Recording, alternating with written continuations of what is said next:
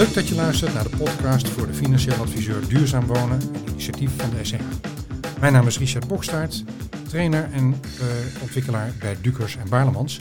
Bij mij aan tafel zit Frank Paalman. Frank, misschien dat jij jezelf even kunt voorstellen. Ja, dank je, dankjewel. Um, Frank Paalman, inderdaad, ik ben een collega van Richard, dus werkzaam als trainer en ontwikkelaar bij Dukers en Baarlemans. Um, daarnaast ook werkzaam als uh, erkend hypotheekadviseur, erkend financieel adviseur, dus ook lid van, uh, van de SEH. En uh, naast mijn werk voor het opleidingsbedrijf adviseer ik klanten op het gebied van hypotheken en financiële planning. Nou, mooi Frank, dankjewel. Ja, Frank, volgens mij ben jij zelf ervaringsdeskundige als het gaat om het verduurzamen van de woning. Dat is het onderwerp van deze podcast. Ja. Uh, ja, misschien dat je daar iets over je ervaringen kunt delen. Ja, zeker. Ik, nou, ik, ik heb al wat langer ervaringen om, om het onderwerp duurzaamheid met, met klanten natuurlijk mee te nemen. Maar ja, jij bedoelt volgens mij meer de ervaring die ik met mijn, mijn eigen woningen heb. Precies. Inderdaad, wij, uh, wij mijn, mijn vrouw en onze kinderen en ik woonden een aantal jaar geleden in een, in een jaren 30 woning aan de rand van het centrum van, van Den Bosch. Um, nou, die woning zijn we gaan, gaan verduurzamen. Um, nou, er was aan ventilatie geen gebrek in dat huis, als je begrijpt wat ik bedoel. En drie jaar geleden hebben wij de woning gekocht waar we nu in wonen. En dat was een woning eind jaren 60. Uh, daar was qua verduurzaming niks aan gedaan. Dus ook die zijn we op de warmtepomp na helemaal gaan, gaan aanpakken. Dus inderdaad, ik heb inmiddels bij twee woningen de ervaring op het gebied van, van verduurzamen. Welke, welke voordelen heb je daarbij ervaren? Um, ja, dan, dan ik, heb bij bij die jaren 30 woning de meeste voordelen ervaren, omdat we daar echt een voor- en na-scenario hadden. Dus we, we woonden er al voordat het verduurzaamd was. Um, en uiteraard daarna. Um, ja, wat, wat, wat, zijn we dat huis gaan doen? We hebben uh, de spouwmuur geïsoleerd, de vloer is geïsoleerd, het dak. En er is isolatieglas uh, geplaatst, HR++ uh, voor de liefhebber. Uh, er zat dubbel glas in uit de jaren 90 en op sommige plekken zelfs nog, nog enkel glas. Um, ja, en wat we ontzettend hebben gemerkt in dat huis is een enorme verbetering qua comfort. Um, ik, ik, moet je eerlijk bekennen dat toen we ermee begonnen, was het toch iets meer een financiële insteek. Hoe betrokken we ook zijn bij het milieu, maar ik, ik, ja, ik ga wel eerlijk bekennen dat, uh, dat ik in de eerste instantie aan mijn portemonnee dacht. Uh, maar wat er uiteindelijk is, is overgebleven, is de verbetering qua comfort. Um, minder koude tocht, uh, geen koude voeten meer. Um, nadat de woning geïsoleerd was, hoefden we op de, op de slaapkamers al niet meer te stoken. Dat was soms echt wel nodig, omdat het daar soms echt te koud was. Zeker op de kamer van de kinderen. Die waren ze toen nog, toen nog een stuk kleiner. Um, dus enorme comfortverbetering. Dat is, ja, dat is eigenlijk wel wat het, wat het meest is overgebleven. Um, ja, en bij de woning die we nu hebben. We hebben dus drie jaar geleden een woning gekocht, eind jaren 60. Die zijn we gelijk gaan verduurzamen, dus voordat we er woonden. Maar toen we er al woonden, hebben we ook het glas laten vervangen. En dat hebben we echt gemerkt. Niet alleen in het uh, vasthouden van warmte uh, en het buitenhouden van kou, maar uh, ook qua geluidsreductie. Dat, uh, dat, dat bleef ook wel echt, echt over. En kun je, kun je ook iets zeggen naar, naar van de, over de labels? Ah, zo, ja. Ehm, de woning die wij gekocht hebben, die had toen wij hem kochten label C. En die is nu inmiddels verduurzaamd tot een uh, label A, moet ik zeggen. Mooi. Ik moet er wel bij zeggen, uh, we hebben de woning gekocht. We zijn hem gaan verduurzamen. Ik heb nog geen nieuw label aangevraagd. Ja. Want dat, ja, daar is nu nog, nog niet echt een reden voor. Um, het derde geldverstrekker waar wij nu bij zitten... heeft nog niet allerlei duurzaamheidskortingen. Dus ik kan me nog voorstellen dat er iets in verandert. Maar als ik kijk naar de dingen die we hebben aangepakt... dan zou dat nu zo'n beetje een, uh, richting een, een A-label gaan. Ja, weet je. Wat WOZ-waarde betreft zou ik zeker niet vragen om een nieuw energielabel. Want dan ga je natuurlijk ook weer in je portemonnee merken. Ja, ja als daar weer... een link tussen is. Ja, ja precies. Absoluut. Ja, ja. En als we het dan toch over je portemonnee hebben, heb je ook nog wat gemerkt met betrekking tot de waarde van de woningen? Zag je daar ah, zo. een stijging in? Um, nou, dan moet ik even teruggaan, want we hebben dat, dat, dat huis wat we hadden, dat hebben we in 2019 hebben we dat verkocht. Ik denk dat toen um, het effect op de waarde van de woning nog vrij miniem was. Um, we zagen natuurlijk dat toen de, de rentestand was extreem laag. Uh, hoge woningnood. Dus we zagen in die tijd ook wel dat... Um, nou ja, ik wil niet zeggen dat alles wel verkocht werd, maar nou, het leek er wel bijna op. Ja, en een belangrijk verschil. in 2019 toen was er nog geen energiecrisis geweest. En konden we ons ook totaal niet voorstellen dat dat zou gebeuren.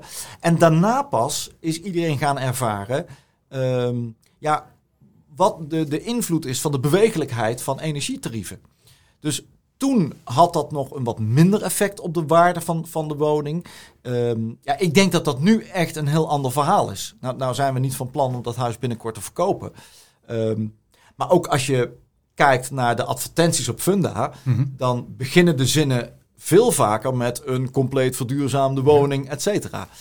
Dus ik denk dat ehm, het, het argument dat verduurzamen eh, bijdraagt aan de waardeontwikkeling en ook de courantheid, dat dat echt iets is van de afgelopen twee jaar. Ja, ja, ik sprak inderdaad op Hypovac, eh een van de grotere landelijke taxatiebureaus. En eh, daarbij werd inderdaad gesteld dat ze zelfs boven de 100% investering wilden gaan zitten als het ging over de waardestijging. Heb jij nou nog wensen met betrekking tot de laatst aangekochte woning, wat je daar nog aan wilt gaan verbeteren? Ehm, ja, ehm, ja, dat is eigenlijk de, de laatste stap die we op enig moment zullen gaan zetten. Dat is dat de woning echt van het, eh, van het gas afgaat. Ehm, ja, we hebben daar wel alle, alle voorbereidingen getroffen. Bijvoorbeeld, nou ja, toen wij de woning kochten waren we niet echt van plan om de hele vloer open te breken. Om daar vloerverwarming van te maken. Kan Maar onze voorstellen. ja, onze bouwkundige die zei van nou, ik zou dat toch eens overwegen. Ehm, want ja, wat er in de toekomst ook gebeurt, het gaat richting een lage temperatuurverwarming toe. Ehm, nou, dan denk je al snel inderdaad aan vloerverwarming. Dus we hebben dat toch laten doen. Zijn we overigens heel blij mee, want ik vind het hele prettige warmte. En op het moment dat er een warmtepomp komt, dan is dat huis verder helemaal eh, klaar. Ja, en, en ja, op het moment dat je eh, al in een woning zit en je moet dan zo'n verbouwing aangaan om vloerverwarming te leggen, Precies. ja, dat doe je niet zo snel. Dus ik, ik ben blij dat we die voorbereiding hebben getroffen. Maar de laatste stap zal op enig moment zijn een, een warmtepomp. Maar goed, onze cv-ketel is nog niet zo oud. En, eh, dus daar wachten we nog even mee. Oké. Ja. Wat is dan je verwachting met het label op dat moment? Waar gaat die dan naartoe? Eh, als het gaat om onze de, huidige woning, ja, dan zal die ook richting een, een, ja, een label A gaan. Of misschien wel een A of plus plus. Dat hangt Kijk. een beetje vanaf eh, wat de deskundige daarvan, eh, daarvan gaat vinden. Dus bij een volgende verkoop zit jij niet lang aan de woning vast. Nee, dat denk ik niet. Dat hangt natuurlijk ook een beetje van de marktomstandigheden af. Maar hè, dat is natuurlijk ook de relatie naar de nieuwsbrief die je hebt geschreven. Hè. Wat is nou de relatie tussen ehm, de waardeontwikkeling van de woning en, eh, en het verduurzamen? Ja, die, die, die, die is enorm. En ik, ik denk ook dat die nog enorm gaat toenemen. Dat dat argument, ehm, ja, dat dat zwaarder nog gaat wegen. Nou ja, ik vraag het ook aan je, mede omdat natuurlijk er eh, eh, op eh, nou ja, Europese wetgeving het een en ander aan het veranderen is. Daar weet jij meer over dan ik. Ja. Misschien dat je daar iets over kunt vertellen, want daar, dat heeft toch ook iets te maken met de snelle verkoopbaarheid, CQ, het snel verkrijgen van een hypotheek. Ehm, ja, in ieder geval een afgeleider daarvan zou ik, zou ik willen zeggen. Ehm, kijk, eh, eh, ehm, er is een Europese Green Deal gesloten. Dat is al, wat, dat is al een aantal jaren geleden onder, onder leiding van, van Ursula von der Leyen en, eh, en Frans Timmermans. Ehm, waarbij Europa de ambitie heeft om het meest groene continent te worden. Nou, eh, toen hebben ze gedacht, ja, de- mensen gaan kennelijk niet vanzelf verduurzamen, dus daar is wetgeving voor nodig. Nou, ehm, nou gaan we die wetgeving niet helemaal uitkouwen, maar er zijn er twee die ik toch even wil, wil benoemen. Graag. De eerste, dat is de EU Taxonomy. De EU-taxonomie. Dat is wetgeving die al is ingegaan in 2022. En die omschrijft, die definieert wat groen is. Dus welke activiteit, welke economische activiteit mag nou als groen worden beschouwd? Ehm, ja, en dat geeft dus ook aan geldverstrekkers antwoord op de vraag: wanneer is er nou sprake van een groene hypotheek? Nou, om een idee te geven, wat staat er in die EU-taxonomie? Ehm, dat als het gaat om een bestaande bouwwoning, als het label A heeft, dan noemen we dat een groene woning met daaraan gekoppeld een groene hypotheek. Als het over nieuwbouw gaat, dan is daarin vastgelegd dat dat eigenlijk dat dat 10% zuiniger moet worden gebouwd dan A triple plus. Nou, veel nieuwbouw wordt op dit moment gebouwd naar A triple plus. Dat zou dus eigenlijk nog 10% zuiniger moeten zijn. Is vaak maar een klein stapje. Goed. Ehm, en dat betekent ook dat op het moment dat er sprake is van een grote renovatie, er een, ehm, ja, een, een, een energiereductie van minimaal 30% moet plaatsvinden. Nou, ik kan me voorstellen dat de luisteraar daar nu misschien wat vragen over heeft. Ik vind de podcast misschien niet het moment om dat helemaal technisch uit te diepen. Maar wat je wel ziet naar aanleiding daarvan, en dat zien we ook in de markt gebeuren, dat ehm, geldverstrekkers steeds meer geïnteresseerd zijn in groene portefeuilles. En dat heeft er ook weer mee te maken dat een groene hypotheekportefeuille ehm, ja, beter verkoopbaar is en ook een betere prijs oplevert. Hè. Hypotheekportefeuilles worden regelmatig uh, verkocht, gesecuritiseerd wordt het ook wel genoemd. Ehm, en daar heeft het ook mee te maken. En laten we niet vergeten, want die zou ik wel bovenaan willen stellen, dat ik ook bij, bij, bij al die partijen een enorme intrinsieke motivatie zie om echt ook groen te willen doen. Precies. We raken ook steeds meer bewust van het feit dat we echt iets, iets zullen moeten gaan doen. Maar er zit ook wetgeving achter. Dus dat, dat is de EU-taxonomie. Um, dan is het zo dat er ook een nieuw bouwbesluit in de maak is. Dat gaat waarschijnlijk in per 2025. Ja, en daarin zie je echt regelgeving staan. Bijvoorbeeld, hypotheekverstrekkers worden gewoon verplicht om um, ja, hun portefeuilles te verbeteren en te vergroenen. Wat je dus nu al ziet bij een aantal hypotheekverstrekkers die normen stellen. Ja, ik, ik lees uh, uh, nou, vorige week op LinkedIn een, een geldverstrekker die inderdaad aangeeft van hey, als een klant een woning koopt met een label uh, slechter dan C, ja, dan moet er een verduurzamingsplan komen. Precies. En ja, dat soort initiatieven gaan we in de komende jaren veel en veel meer zien. Ik denk dat het verschil tussen wel of niet verduurzaamde woning qua hypotheek rentetarieven een groter verschil gaat betekenen. Um, en en die, die, dat nieuwe bouwbesluit, uh, voor de liefhebber, het is de Energy Performance of Buildings Directive, afgekort EPBD. En de, de richtlijn die eraan komt is EPBD 4, mm -hmm. of richtlijn bouwbesluit moet ik zeggen. Um, ja, die gaat zelfs zover dat um, het de bedoeling is dat vanaf 2033 woningen minimaal een label D hebben. Ook de manier waarop de labelindeling um, wordt gemaakt gaat nog veranderen. Die wordt strenger. Mm -hmm. Um, daarom zeggen we ook wel eens voor de grap, ja, uh, uh, label D is het nieuwe A. Um, maar wetgeving die dus ja, ons, ons min of meer gaat verplichten om die woningen verder te verduurzamen. Um, en dat vind ik ook gelijk een belangrijke oproep naar, naar alle financiële adviseurs. Ja, wees daar op tijd bij bij je klant. Want op het moment dat jij ze niet gaat informeren, dan wordt dat voor je gedaan. Precies. Want dan zal ook de geldverstrekkende instantie haar verantwoordelijkheid nemen en de klant daarover uh, benaderen. Dat gebeurt overigens al. Ja, nou, er is, er is denk ik al een mooi bruggetje nu naar uh, de, de nieuwe normering die gaat gelden vanaf volgend jaar. Ja. Uh, misschien dat je daar kort iets over kunt vertellen. Ja, uh, nou ja, weer een reden om, om te zeggen dat duurzaamheid ja, niet meer weg te denken is. Het was het al wat mij betreft niet, maar inderdaad, um, um, het is inderdaad zo dat, dat het bedrag wat kan worden geleend volgend jaar veel meer afhankelijk is van het label van de woning. Nou, dat wil zeggen dat op het moment dat je een woning gaat aankopen, dat um, een bedrag van de financiering niet hoeft te worden meegenomen in de loan-to-income toets. Dus stel bijvoorbeeld dat ik een hele energiezuinige woning koop. Nou, laten we even als voorbeeld nemen. Iemand koopt een woning met uh, een A en 4 plusjes. Dat noemen we A quadruple plus. En er zit ook nog een energieprestatiegarantie aan vast. Dan mag bij de aankoop 50.000 euro buiten de loan-to-income worden gehouden.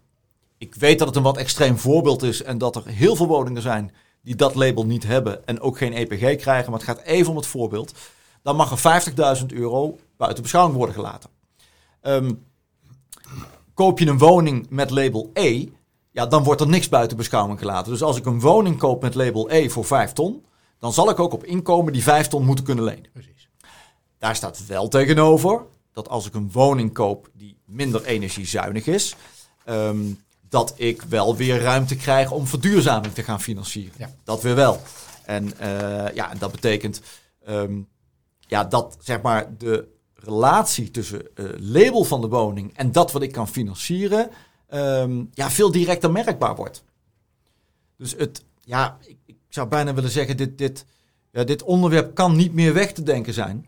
Um, ja, maar ik wil, als je nu alleen al kijkt naar de voordelen waar wij het nu over hebben gehad. We hebben gesproken over een besparing op de energierekening. Ja. We hebben gekeken naar uh, een verbetering van het wooncomfort. We hebben gekeken naar waardecourantheid woning. En ik wil toch ook wel benadrukken, ik begrijp dat dat ook niet mijn eerste vertrekpunt was, maar ik heb er inmiddels toch wel wat meer, uh, wat meer over gehoord en gelezen. Ook, ook de, de invloed die we daarmee hebben op, uh, op, op milieu en dergelijke. Precies. Ook, ook daar zie ik wel een stijgende bewustwording.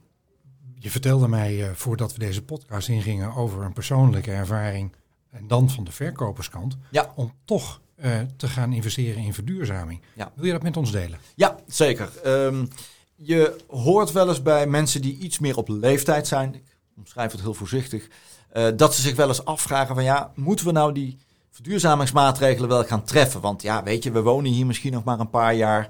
Um, ja, verdienen we dat nou wel terug? En inderdaad, we hebben daar een persoonlijk voorbeeld uh, in. Mijn, uh, mijn schoonouders zijn al wat meer op leeftijd. Uh, vanwege de gezondheidstoestand van mijn schoonvader. zullen ze daar, nou, ik denk geen vier of vijf jaar meer wonen. en melden zich bij mij met de vraag: van ja, um, we willen die woning toch gaan isoleren. Maar ja, moeten we dat nou wel, moeten we dat nou wel doen? Nou, hebben we allemaal geen glazen bol, dat, dat weet ik. Maar we zijn toch eens ook eens inderdaad met taxateurs in gesprek gegaan. Ben ik, ben ik over in gesprek gegaan. Um, en hebben ze toch besloten om dat te doen. Ook omdat we dat op een, op een hele uh, handige manier konden financieren. Nou, daar gaan we het in een volgende podcast nog eens met elkaar over hebben. Um, maar we hebben toch besloten dat te doen. Um, het de comfortverbetering gaan ze gelijk merken. Dat blijkt inmiddels ook al. En we hebben gezegd, ja, ook, ook het investeren nu, ook al verdien je misschien met de lagere energierekening je kosten niet terug. Je verdient het zeker terug als het gaat om de opbrengst van de woning. Nou, jij vertelde net, hè, je hebt daar taxateurs over gesproken in de buurt van Apeldoorn. Deze woning ligt in Noord-Limburg. Daar heb ik er ook een aantal gesproken die eigenlijk allemaal hetzelfde aangeven. Um, in 2022 heeft bijvoorbeeld uh, Brainbay, een groot onderzoeksinstituut in de vastgoedmarkt, ja, een onderzoek gedaan naar die correlatie tussen waarde woning en verduurzamen. En daar, ja, daar blijkt precies hetzelfde uit. Precies. Dus ook bij mensen die wat meer op leeftijd zijn, um, kan het behalve comfort ook financieel gewoon interessant zijn om toch die woning te gaan verduurzamen. Frank, hartstikke bedankt. Ik denk dat we een uh, mooi uh, onderwerp hebben aangesneden. Ja. Fijn dat je jouw kennis en ook je ervaring ons willen delen. En uh, de volgende podcast gaan we inderdaad meer aandacht besteden deze onderwerpen. Hartstikke. Dankjewel. Ja, bedankt.